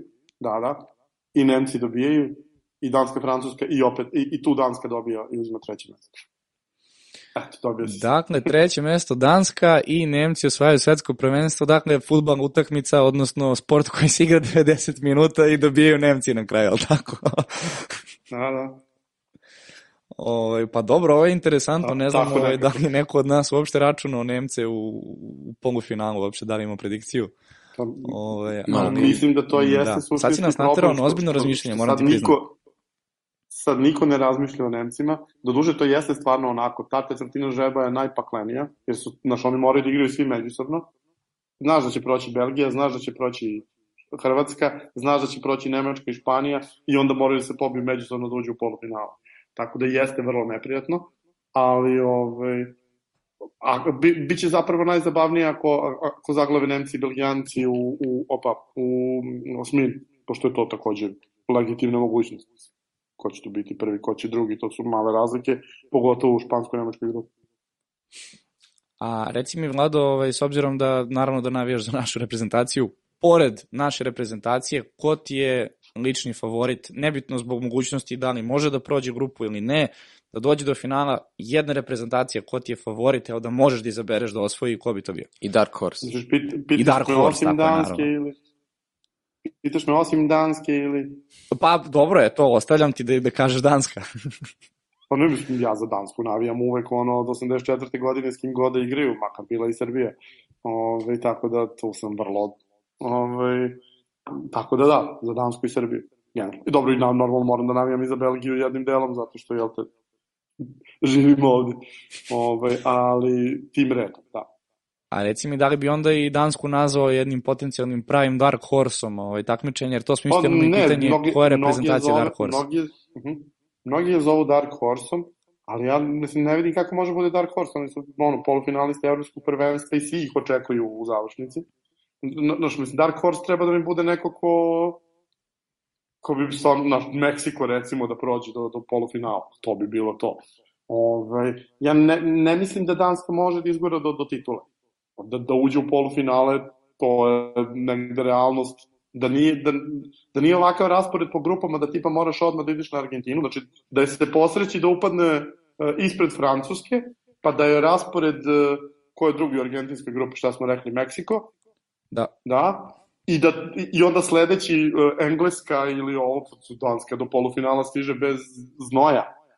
Ove, ovako, mislim, preko Argentine je malo teže, ono, zbiljnija borba i to, ali generalno, mislim, ne, ne vidim kome bi ko prati futbol bilo iznenađenje. Mislim, Danska ima koliko? Od, od 2016. ima pet poraza za, za, za, za šest godina. I to ono, od Belgije, Belgije, Hrvatske, Hrvatske i šta je veše peto. I od, od Engleza na, na, na, na, na evropskom prvenstvu. To su jedini porazi. Dobro, izgubili su Škotske ono, de, dead rubber u kvalifikacijama kad su poslali B tim na, jer su se već kvalifikovali. Ove, no, da, Danska je stvarno postala mnogo moćna. Nisam očekivao da će tako brzo uspeti da se transformiše iz tima koji onako, koji do, dozvoli sebi da ne ode na Euro 2016 u tim koji stvarno ono, ide na turnire i, i, i u fazonu si ako ne stigne do četvrt finala, pa onako kao, nije to dobro. Baš je čudno. Čud, čudan, čudan je osjećaj i dobar je osjećaj. I sviđa mi se što se to isto desilo i sa Danskom i sa Srbijom. Što ti znaš, ok, naš igraš sa Švajcarskom i Brazilom, normalno je i da ispadneš, nije drama, ali mnogo glupo, mislim, nema, nema smisla da tako bude, znaš da mogu da stignu do četvrt finala uz malo sreće, bez većih problema i da bi u nekoj, u bilo kom drugom rasporedu grupa verovatno i stigli do četvrt finala. Jasno, jasno. Pa dobro, evo vidi ovako, e, svakako izanalizirao si ovo svetsko prvenstvo, moram da ti priznam da si nas malo sad iz, iznenadio sa, sa Nemcima, definitivno i Belgijom, Ove, ali ostajemo dužni, ove, pošto ne bi prosto više da, da, da Meni mo- mo- moram da ti kažem, ovaj, Francuska i je- kasno je i ne želimo Francuska da ste... je ovaj, ovaj, e, Francuska bi mi bila mnogo bliža tituli da su iole zdravi, ali on, pogledaj šta im se desilo sa, sa povredama, ono masakrirani su bukvalno. E, Kante, Pogba, Nkunku, da sam nekog Manjan, mislim, meni Manjan mnogo bolja opcija na golu nego Loris. Tako da, ovaj, generalno Na su isečeni su na, na svakom delu terena pomalo. Nemoj da se ljutiš ako neko od tvojih prognoza ne prođe, pa ti se javimo privatno na Twitteru, čisto da ti screenshotujemo jedan rezultat.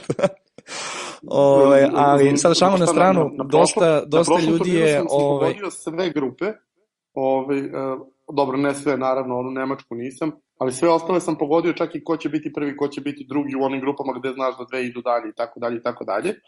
I onda sam otišao na televiziju, gostovao sam kod Nine Kolundžije i onda sam napravio raspored svega do kraja i do kraja sam pogodio e, tri utakmice, čini mi se. Znači, od osmine finala do finala tri utakmice sam pogodio. Tako da, ono, na, navikao sam na to. Mislim, kako da kažem, ovo je sve... Tak, nije ni naš pitanje da li bih u kladionici tako razmišljao. Ovaj, naš u kladionici bih stavio pare na Brazil protiv Švajcarske i Srbije. Ovo nije kladionica, tako da mogu da se opustim. Ove, ovaj, tako da ne, nemam frku sa tim. Nije, nije moj posao da pogađam, to mi je čisto ono zabava. Moj posao je da ti analiziram zbog čega će da pobede jedni, a zbog čega drugi. A znam, ali opet i tvoje pogađanje nije ajde da izaberem pola pola, ipak ima no, ne, ne, ne, neku ne, ne, pozadinu. Ne, sve, sve što bi se reklo educated guess. Ja, ka, kažem, ja, meni uvek to, ja recimo, kad sam prestao da se kladim, ja sam prvo prestao da se kladim na premier ligu, jer sam uvijek mogu da ti objasnim zašto će da bude ket, zašto ih, zašto dvojka. I zašto će biti jedan gol, a zašto pet golova. Znači sve sam mogu da ti objasnim i onda shvatiš, ok, kao znaš, ali sve mi je dovoljno logično, ok, onda ne mogu da igram to. Ove, ovaj, I onda u, uvijek sam volao, na, kada sam se kladio, kla, a, a prestao sam pre 20 godina, kladio sam se na, na ligi koje ne pratim. Znači, ne znam ništa o njoj, samo na osnovu brojeva i, i uzimo pare. Ove, um, sa ovim stvarima isto. Znači, ja, ti, ti najbolje pare realno možeš da uzmeš u, u nekoj osmini finala, četvrt finalu, jer su tada timovi onako, svi su našponovani da, da igraju full, a postoji neka razlika. Ovo ostalo, mislim, u životu ne bih ono na svetsko prvenstvo kao ulagao pare, niti bilo šta, to je baš bizar. Jer ono, pre, premalo novca ti donosi da, pro, da prođe favorit, a premalo je šanse da prođe outside. Apsolutno. Uh, mi bi ovaj sada posljednji deo epizode izdvojili za naše pratioce i gledalce podcasta. Uh, mi smo njima ovaj, stavili jedan story na Instagramu da najavili smo zapravo tvoje gostovanje i pitali smo ih, prosto rekli smo im da, nam, da postave pitanja koje ih interesuju da, da ti ovaj, prokomentarišeš, tako da ću ja pustiti ja Marka sad da ti pročita pitanja sa, sa Instagrama i izvojili smo koliko, 3-4, jel? Pa da, ima nekoliko pitanja koje se ponavljaju, ali evo Vlado, vratno ti može nam kaže dosta o tome. Glavno pitanje, situacija oko Ronaldo i Manchester Uniteda, naročito sada oko ovog intervjua, kako misliš da će da se završi i neko tvoje mišljenje o svemu ovom i ovi intervju? Pa mislim da je, da, da je ovo znatno uprostilo čitavu situaciju, zato što je sve išlo ka tome da, da, da se raziđu vrlo brzo, ako se pronađe ko će da uzme Ronalda. Ove, posle ovoga naravno ne može da bude govora da bude bilo kakav drugačiji raspad. Mislim da je Ronaldo napravio nekoliko baš ozbiljnih grešaka, koje mislim da će ga skupo koštati, čak možda i finansijski, ali mislim ovako oko ugleda i oko svega ostalog. Prva stvar, ne možeš da ideš kod čoveka kod kojeg je otišao da, da, da, da da intervju. Mislim, Piers Morgan je onako, ono, baš trash najgori koji postoji i onako i lik vrlo ne, neprijatan i onda još plus zato što Piers Morgan ima taj stav, ja sam bliski Ronaldo prijatelj, što već onako veliki znak pitanja nad Ronaldo ako mu je to prijatelj, um, ti znaš da on njemu neće postaviti ni jedno neprijatno pitanje. Kako možeš ti, znaš, to, to čak i sa stanovišta novinarstva je potpuno neprihvatljiv intervju da ti nemaš ni jedno neprijatno pitanje. Zamisli, mi sad držimo, uh, kako se zove intervju, ja vama kažem, ja nemojte da pite, pitate ništa o tome što je sport klub izgubio, ne znam, prava na premier ligu ili nemojte da me da, da, da, ovaj, nemoj da me neko slučajno pita sutra kao što sam rekao da će ovaj da prođe, a što nije. Mislim, da, da imam problem sa tim, ne bih to tako javno govorio i rekao bih da će svi favoriti da prođu redom što je očekivano. Ne, ja hoću da kažem nešto što je neočekivano, a da mi ima smisla. E, ovo je baš bilo to. Znači, baš glup intervju sa novinarskog stanovišta i mnogo glup intervju sa Ronaldovog stanovišta zato što znaš, prikazuje sebe kao, mislim, on, ja znam i svi koji, koji prate bi trebalo da znaju da on je jedno emocionalno nezrelo derište ono do 12 godina u glavi. I uvek je bio takav. To nije ništa strašno dok ne počneš da se, znaš, ne smeš da se batrgaš. bolje očuti nešto nego da, da, da, da, da stvarno se prikažeš u ovom svetlu u kojem se prikazuje. Mislim da on sebi generalno onako, što bi se reklo, uništio Legacy dosta u smislu da ne znam baš mnogo navijača Uniteda koji će misliti dobro o njemu više, u bilo kom smislu. Ove, a sa druge strane, znaš, mislim, ko, ko će sutra da, da, da zove takvog čoveka kod sebe, jer znaš, on je toksičan, to znamo svi. I videli smo u Juventusu šta se dešavalo i videli smo Unitedu u slačionici šta se dešavalo kad je došao.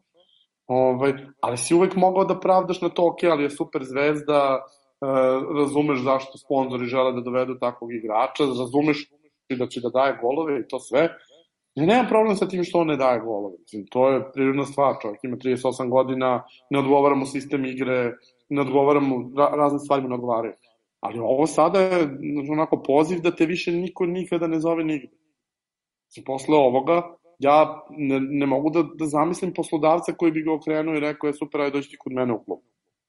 Znači, da, najopasnija stvar je zapravo ono što je on radio, to je onako ružno i, i da se razumemo, siguran sam da je ovo Pirsov intervju sa Pirsom, a ne sa Ronaldom, da je on bukvalno onako kuvao Ronalda godinu dana, ajde napravi, ajde, ajde, ajde, kada uhvatiš derište i ubediš ga, ma vidi šta ti je uradio, stavio te pod suspenziju. Ja mislim da ovaj intervju snimam tipa pre tri nedelje. Naprimer, nekoliko dana posle te suspenzije.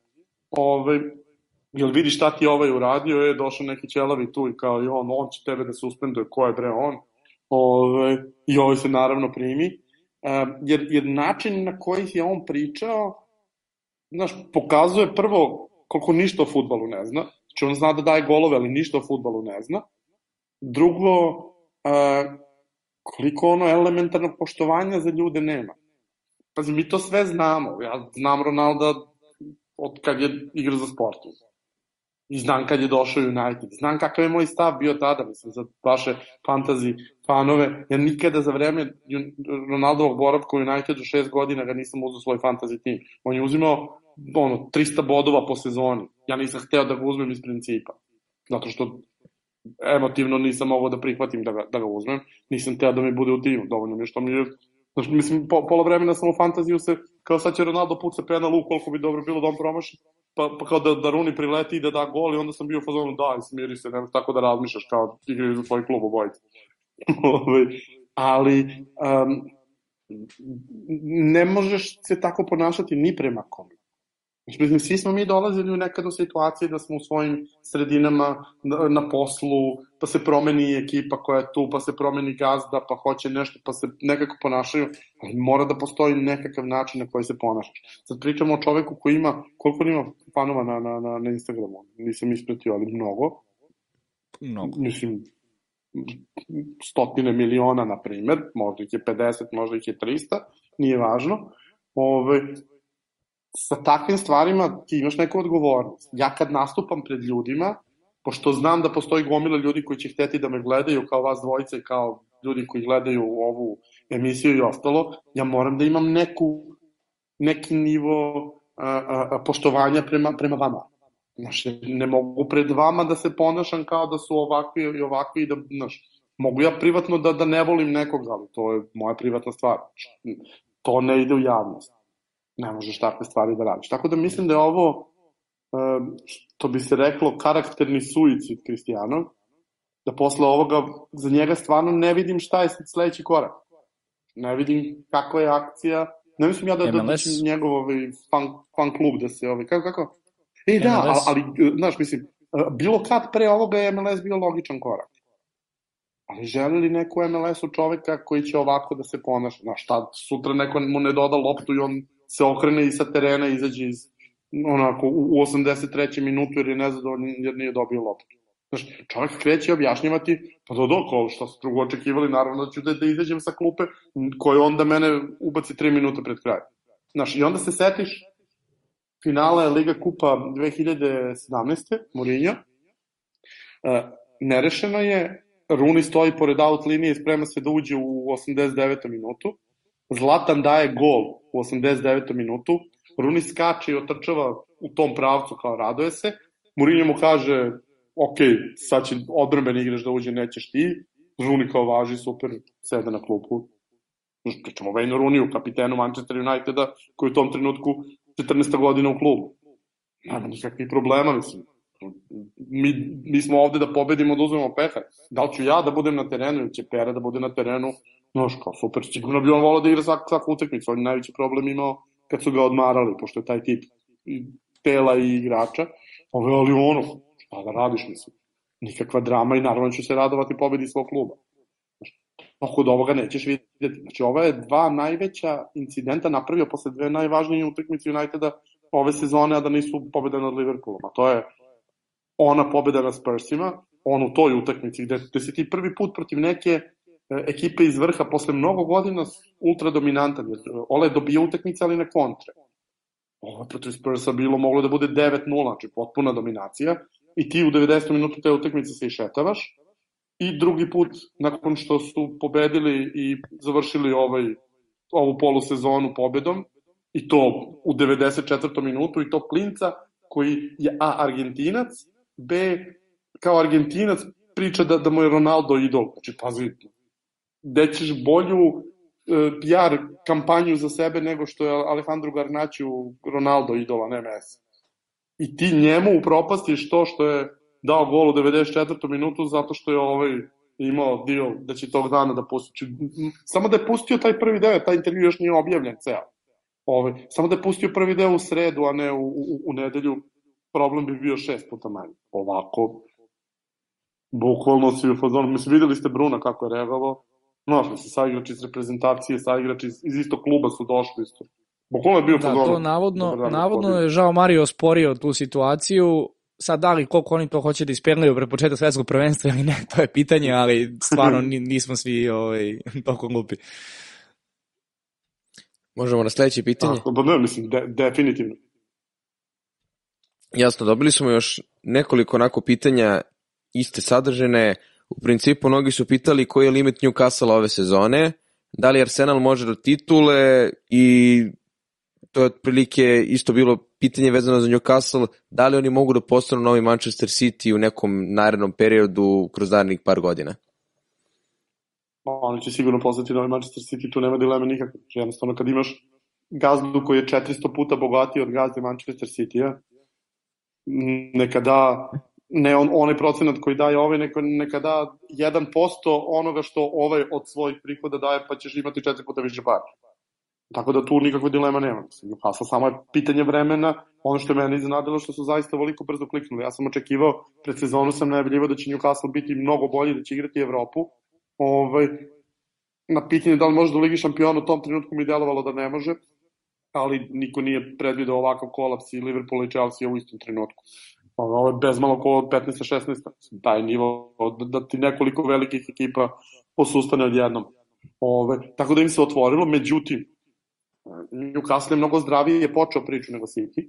City je trebalo nekoliko godina da shvate šta rade, setite se, City je prvi potez bio poslednjih dana prelaznog roka kupili Robinja, Robinja mislio da dolazi u United.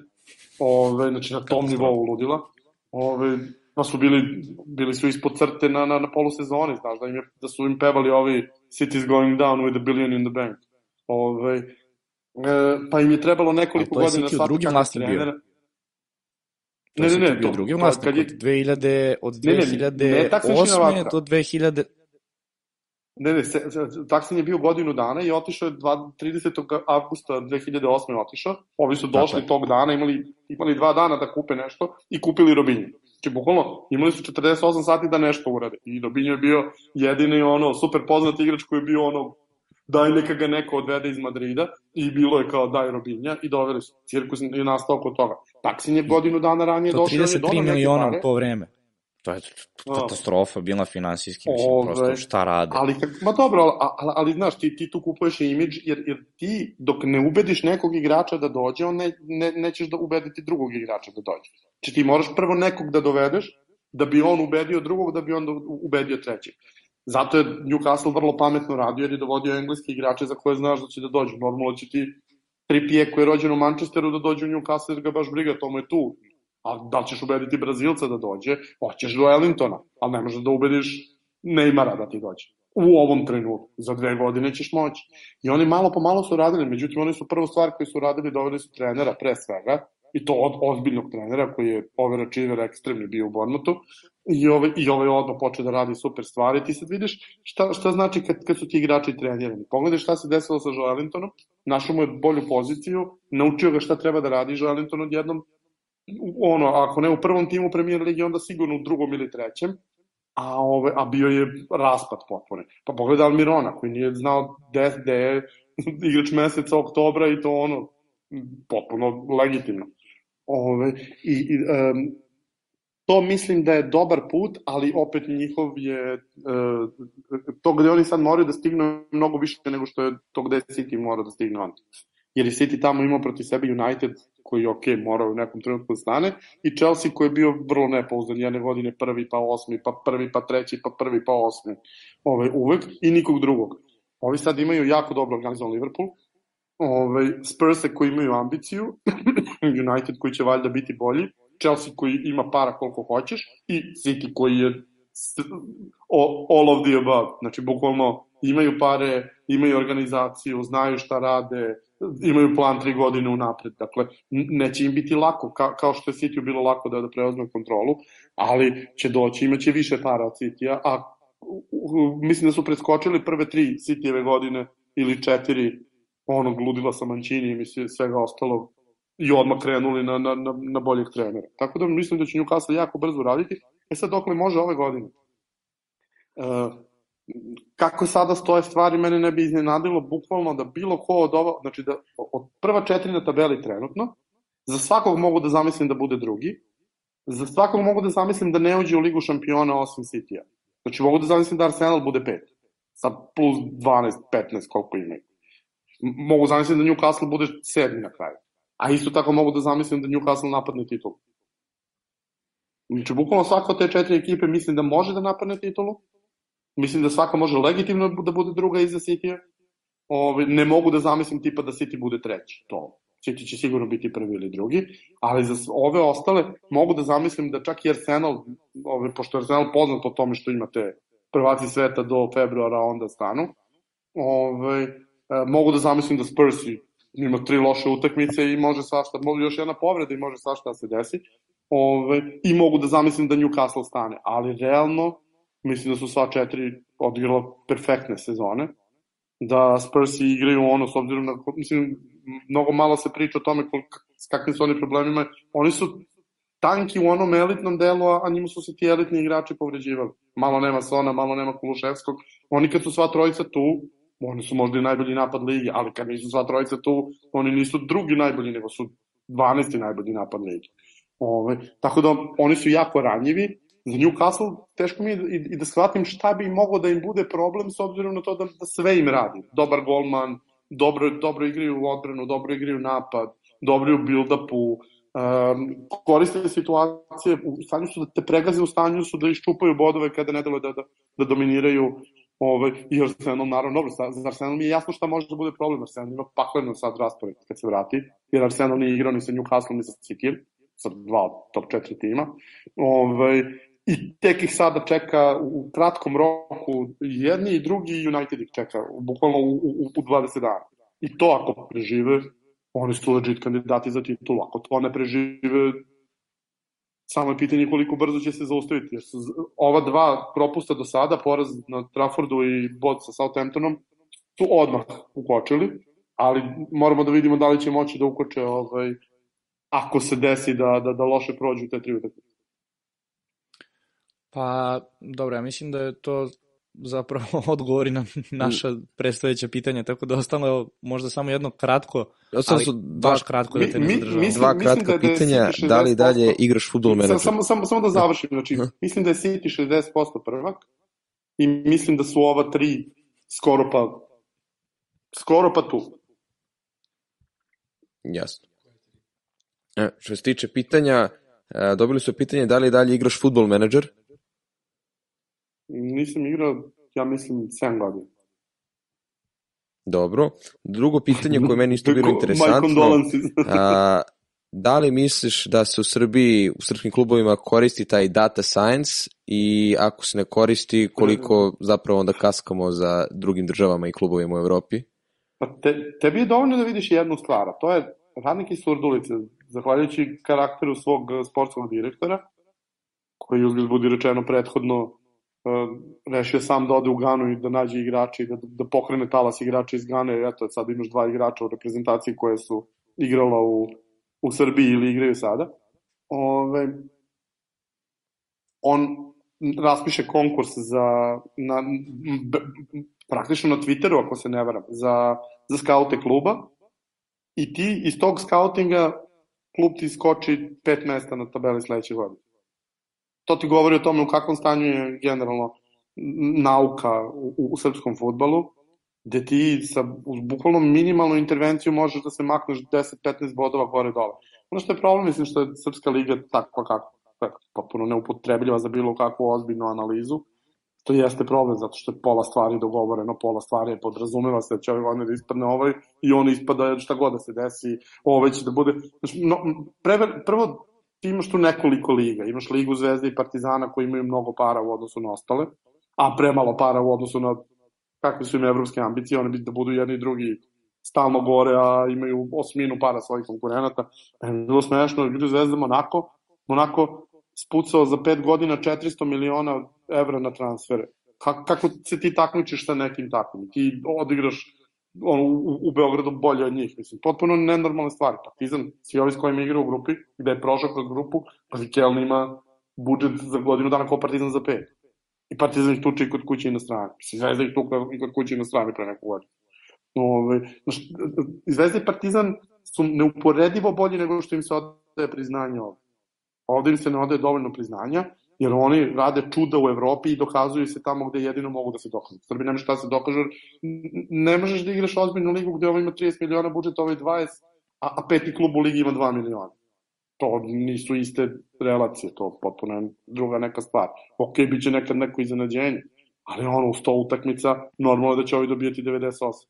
Uh, I onda imaš Čukarički, koji samo na osnovu toga što ima kontinuitet i što nema nikakve frke ni oko čega, što imaš gazu za koga znaš da će i sutra da, da plati preko sutra i za dva meseca i za godinu dana, ovaj, apsolutno nema problema da bude treći u ligi. Dakle, sa prilično malim budžetom za, za bilo koje standarde normalne, to neki, šta, 3-4 miliona, Ove, oni su za, zakucani treći u ligi zato što niko ne može da im priđe jer većina klubova da li će biti plata, da li neće biti plata, da li će biti ovo, da li će, da li će da ugasi neko klub sutra, da li ono, će se cela garnitura preseliti u neki drugi klub pa ćemo da vidimo šta. I, i zbog svega toga je mnogo teško raditi bilo kakav ozbiljan posao. U Srbiji uh, uh, futbal kao takav bezmalo je klinički mrtav. I, i za, zapravo sve što se dobro dešava, do, dešava se šest godina unazad i sa reprezentacijom i sa klubovima, sa ova dva kluba, ove, je potpuno nenormalno i nelogično. Mislim, predobro je sve da bi bilo održivo. No, stalno, stalno idu te priče, režim ovima, režim onima, daju pare ovde, daju onda. Mislim, nema tog režima koji može tebi da kupi kontinuitet tako dobrih rezultata kao što ima Zvezda i Partizan. Možeš u Srbiji da budeš prvak stalno ako te neko protežira, ali ne možeš u Evropi da stalno radiš nešto dobro. Ove, i, i, I zbog toga svega ove, mislim da, da ni, dat, ni, ni data science ni bilo šta pitanje kad će ući, ali nije, nije Srbija najgora, mislim, data science ne postoji u Turskoj, da krenemo od toga, mislim, zemlju koja ima ligu od 600-700 miliona godišnje, tamo skoro niko pogleda, pogleda šta kupuju i kako kupuju. Samo da daj da je poznato ime, nije bitno da li se slaže sa ovim, da li se slaže sa ovim, da je kupio šestoricu. Nije ono, koliko je kupljeno? Top 4 kluba su valjda dovela 12 igrača 29. 30. 31. i 1. na kraju prelaznog roka. Znači kad su kad, kad je već završen prelazni rok koji traje dva i po meseca, oni u proseku do, dovode po, po tri igrača. Šta, šta ti to govori o, o tome? U tom trenutku ima već prosto 6-7 kola i cele kvalifikacije i Trabzon ostao bez Lige šampiona i ko je još ono ostao bez konja ispala od drite. Znaš, ta, takve stvari sebi dozvoljavaš. Šta onda dočekuješ od Srbije koja, koja ima ligu od, od 58 miliona, od čega ova 250? Mm, jasno.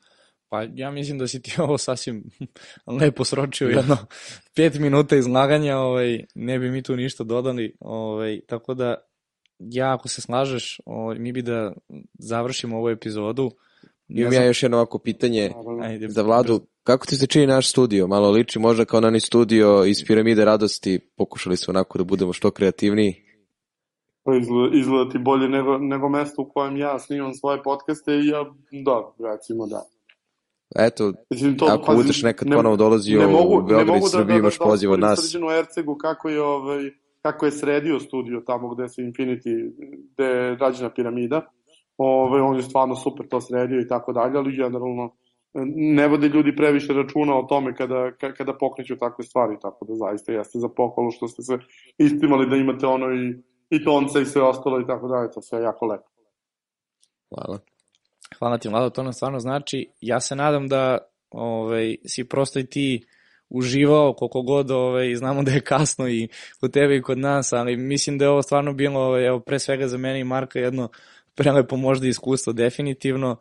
Tako da nadamo se da, da si se ti donekle lepo proveo, da si uživao u ovoj epizodi i nadam se da sledeći put ovaj, kada te budemo pozvali i kad nađemo neku dobru temu da ćeš imati vremena i da ćeš hteti da, da gostuješ kod nas, pa što i da nekad se vratiš u Srbiju, dođeš na, na par dana, nedelja, da, da dođeš uživo, da, da sedneš u, u studiju i da popričamo malo više uz kafu i pa i da upalimo kameru, što da ne. Bićemo u kontaktu svakako. Dobro, to ćemo sigurno biti, a ja sam ti obećao šaljem ti rezultate ka- kako budu stizali sa svetskog prvenstva. Tako da, dobro, evo, ajde onda mi da ovaj, zatvaramo epizodu. Još jednom ti se zahvalimo što si e, pristao da budeš naš gost.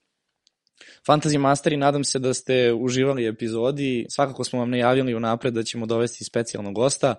E, pozvali smo mladu u našu Fantasy Master o, ligu, tako da stići će ti kod, nadam se da ćeš ovaj, ući u ligu i da, da nemoj da otkrivaš ime ekipe, ovaj, nek to ostane anonimno sve do, do trenutka dok ne budeš... Ovaj.